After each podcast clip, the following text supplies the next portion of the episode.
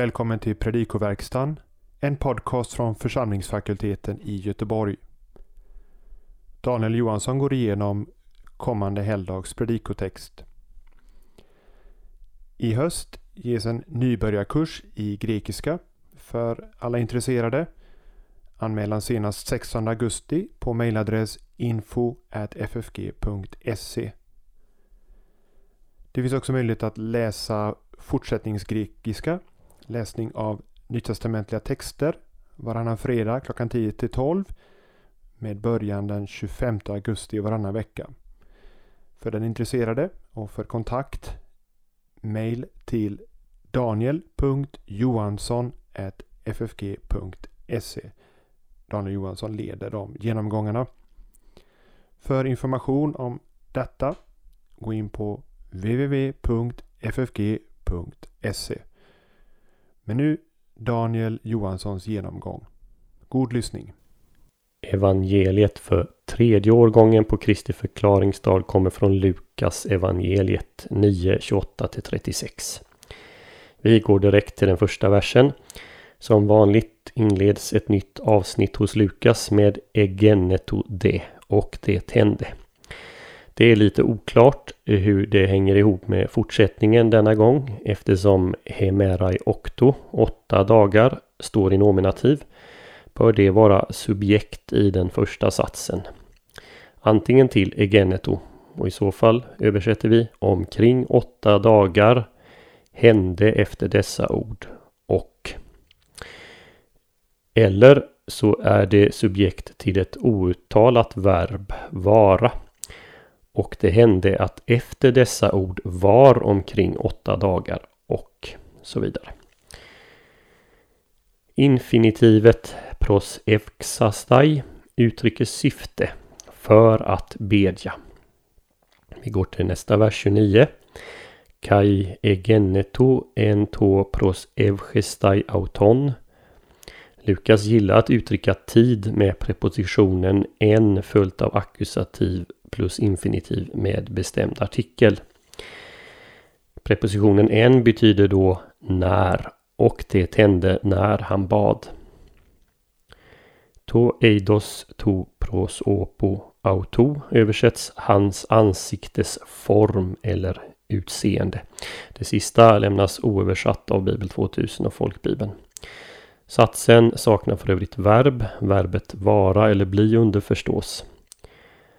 Ansiktet blev heteron, ett annat eller annorlunda. Även i nästa sats, kai h himatismos och så vidare, underförstås verbet bli. Participet exastrapton som avslutar den här satsen är attributivt och står antingen i apposition till levkos, vit, Bibel 2000 översätter så, vita och lysande.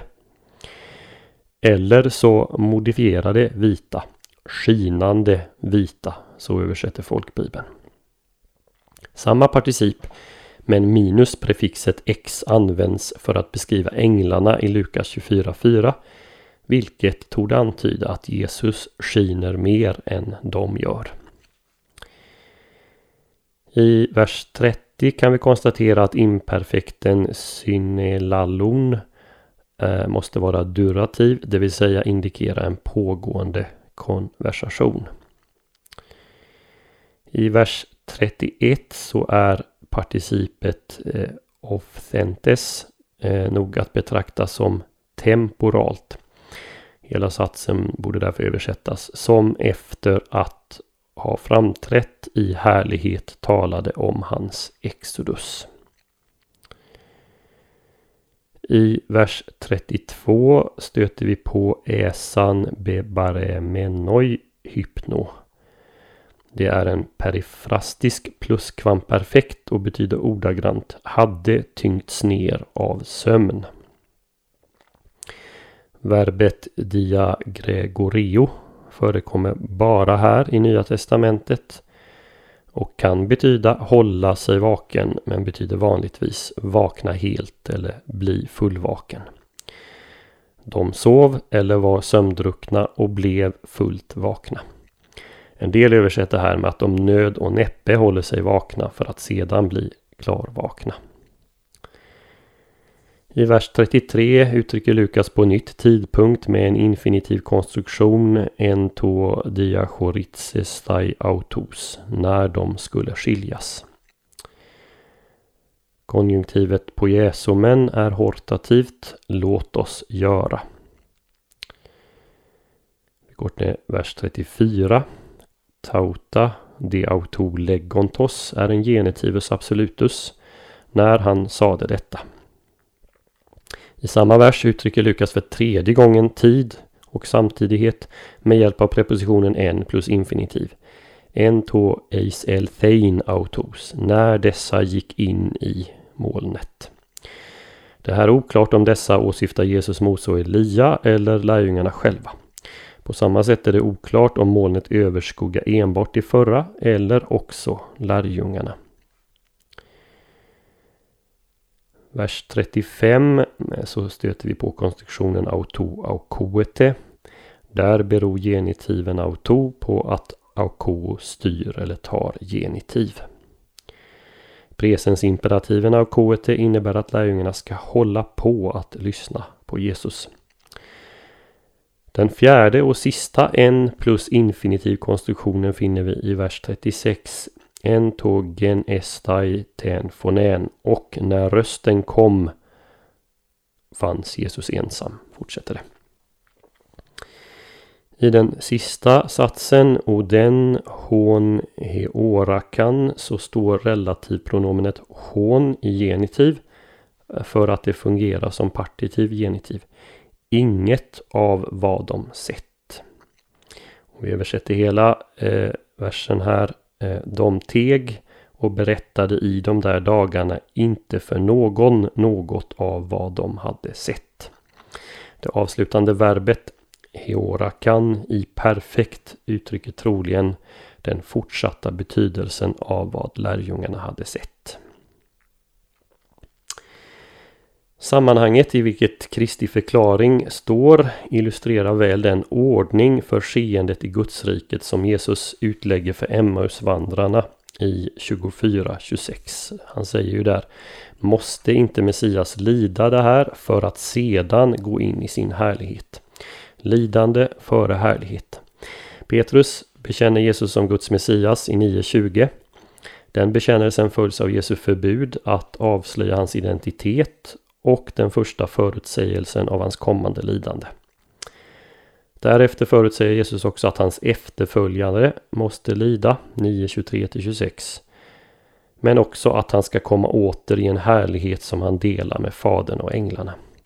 Som avslutning på det hela lovar Jesus att några av hans lärjungar ska se Guds rike innan de dör. Alla de här händelserna är direkt knutna till förklaringsberget genom tidsnotisen som inleder den perikopen omkring åtta dagar efter de här orden hände. Tre av lärjungarna får se Guds rike komma här i kraft. De får se Messias i, ska vi säga, sin kommande härlighet. Liksom två av troshjältarna från forntiden som lidit Mose och Elia. Och som dessa står att de visade sig i härlighet. Lidandet går före härlighet både för Messias och hans efterföljare. Vi kan dela in perikopen på följande sätt. Först har vi bakgrund i vers 28. Sedan Jesu förvandling och vittnena i 29 31. Tredje avsnittet är Petrus önskan att bygga hyddor i 32 33. Fjärde är den himmelska röstens bekräftelse av Jesus 34-35 och det avslutas i vers 36 med lärjungarnas tystnad. Eftersom var och en av de tre synoptiska evangelisternas version av den här händelsen förekommer som evangelieläsning på Kristi förklaringsdag tänker jag att det är viktigt att ta fram just det varje evangelist betonar. Och I år är det alltså Lukas version. Lukas han formulerar tidsspannet till den föregående undervisningen annorlunda än Matteus och Markus. De här andra de talar precis om sex dagar senare med en trolig anspelning på Andra Mosebok 24 15-16. Lukas talar lite mer oprecist omkring åtta dagar, vilket tog vara lika med en vecka. Den enda parallellen i Nya Testamentet till den här tidsangivelsen den finner vi i Johannes 20.26. Det är fullt möjligt att Lukas med sin lite vagare formulering vill att vi associerar till Kristi uppståndelse den åttonde dagen som den första dagen av den nya skapelsen.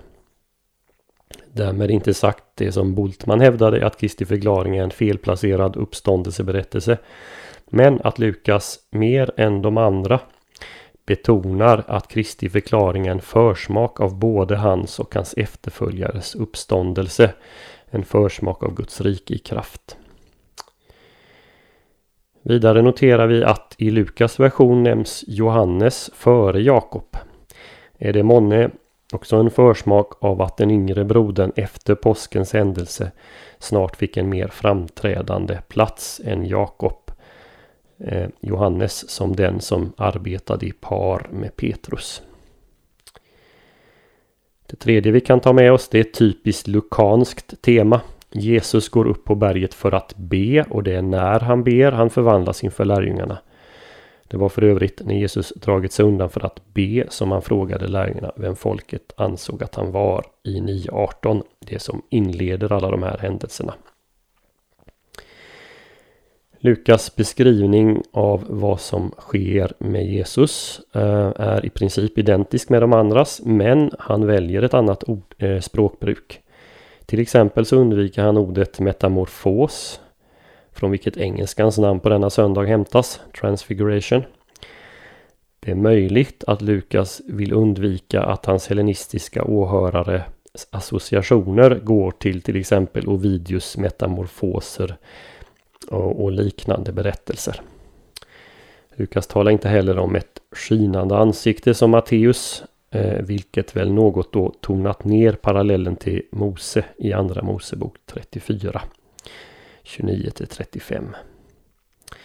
Valet av participet ex astrapton, vilket som vi noterade ovan, markerar att Jesus har en större härlighet än änglarna, placerar nog Jesus i en alldeles särskild kategori, troligen Faderns. Här kan man jämföra med 9.26. Nästa sak vi lägger märke till, den femte, det är att eh, bara Lukas nämner att Mose och Elias visar sig i härlighet. Troligen en del av temat från lidande till härlighet. För både Mose och Elia hade mött förföljelse och lidande innan de ingick i härligheten. Mose genom att Gud begravde honom, Elias genom att han upptogs till himlen. Det sjätte är att Lukas, till skillnad från de andra evangelisterna, anger samtalsämnet de talade om hans exodus, står det. Notera här för övrigt valet av verb som vi har hos alla evangelisterna, syllaleo. I Septuaginta förekommer det bara tre gånger, varav en är i Andra Mosebok 34-35 som beskriver hur Mose talar med Herren. Vad syftar då Exodus på? Ja, det finns flera förslag. En del menar att det bara syftar på Jesu död. Andra Jesu död och upphöjelse. Några åter att det här skulle syfta på Jesu hela liv och gärning som en uppfyllelse av det nya Exodus Jesaja profeterat om. Från Jesaja 40 och framåt. Och en fjärde förklaring är att det syftar på Jesu död, upphöjelse och återkomst i härlighet, hans parosia. Alla tre eh, teman som man har kunnat läsa om i de föregående verserna. Omnämnandet av Jerusalem tog det ändå indikera att Jesu Exodus börjar där med hans död. Det sjunde och något som bara Lukas nämner det är att lärjungarna somnade eller åtminstone dåsade till rejält. En bedrift de upprepar när Jesus lider som värst i ett semane i 22, 45-46. Här är lite av ett mönster hos Lukas. När Jesus ber och vare sig han visar sig i sin gudomliga härlighet eller i sin mänskliga naturs djupaste nöd så lyckas lärjungarna somna. Det åttonde som sticker ut hos Lukas är att lärjungarna blir förskräckta när molnet kommer och över täcker de tre männen eller om det nu är alla sex. Kanske betonas härmed på ett särskilt sätt att molnet representerar Guds närvaro. Och vi har ytterligare en anspelning på Sina i händelserna. Det nionde vi tar fram det är två saker som Guds röst säger. Att Jesus kallas för Hoeklelegmenos, den utvalde. Det ger en starkare anknytning till Herrens tjänare i Jesaja 42.1. Som ju är ett prominent tema hos Lukas ända sedan Jesu första predikan i Nasaret. Det andra är ordföljden i auto aukoete. Till skillnad från hos, från hos de andra evangelisterna så följer Lukas ordföljden i femte Mosebok 18.15 exakt. Och det tog det därmed starkare antyda att Jesus också är profeten med stort P. Ett tema som återkommer i till exempel Apostlagärningarna 3.22. Huvudpoängen är ändå densamma. Den himmelska rösten, eller snarare rösten från molnet, konfirmerar Petrus bekännelse men säger också mer. Jesus är Guds son. Vidare uppmanas lärjungarna att höra honom i allt. Han är större än Mose och Elia. Till sist kan vi notera att Lukas inte omnämner något talförbud från Jesus sida utan bara konstatera att lärjungarna vid den tiden inte sade någonting till någon annan om vad de varit med om. Händelsen är något de själva behöver reflektera över först. Som redan antytts finns det rikligt med anspelningar på Gamla Testamentet i det här avsnittet. För den som är intresserad så finns en del av de här listade i pdfen till den här podden på församlingsfakultetens hemsida. Du har lyssnat på ett avsnitt i Predikoverkstan från församlingsfakulteten. För att stödja FFG och för Predikoverkstans verksamhet ge en swishgåva på nummer 123 100 84 57 eller på annat sätt som finns beskrivet och angivet på hemsidan www.ffg.se. På hemsidan hittar du också information om aktuell verksamhet och resurser som det är fritt att ladda ner och ta del utav.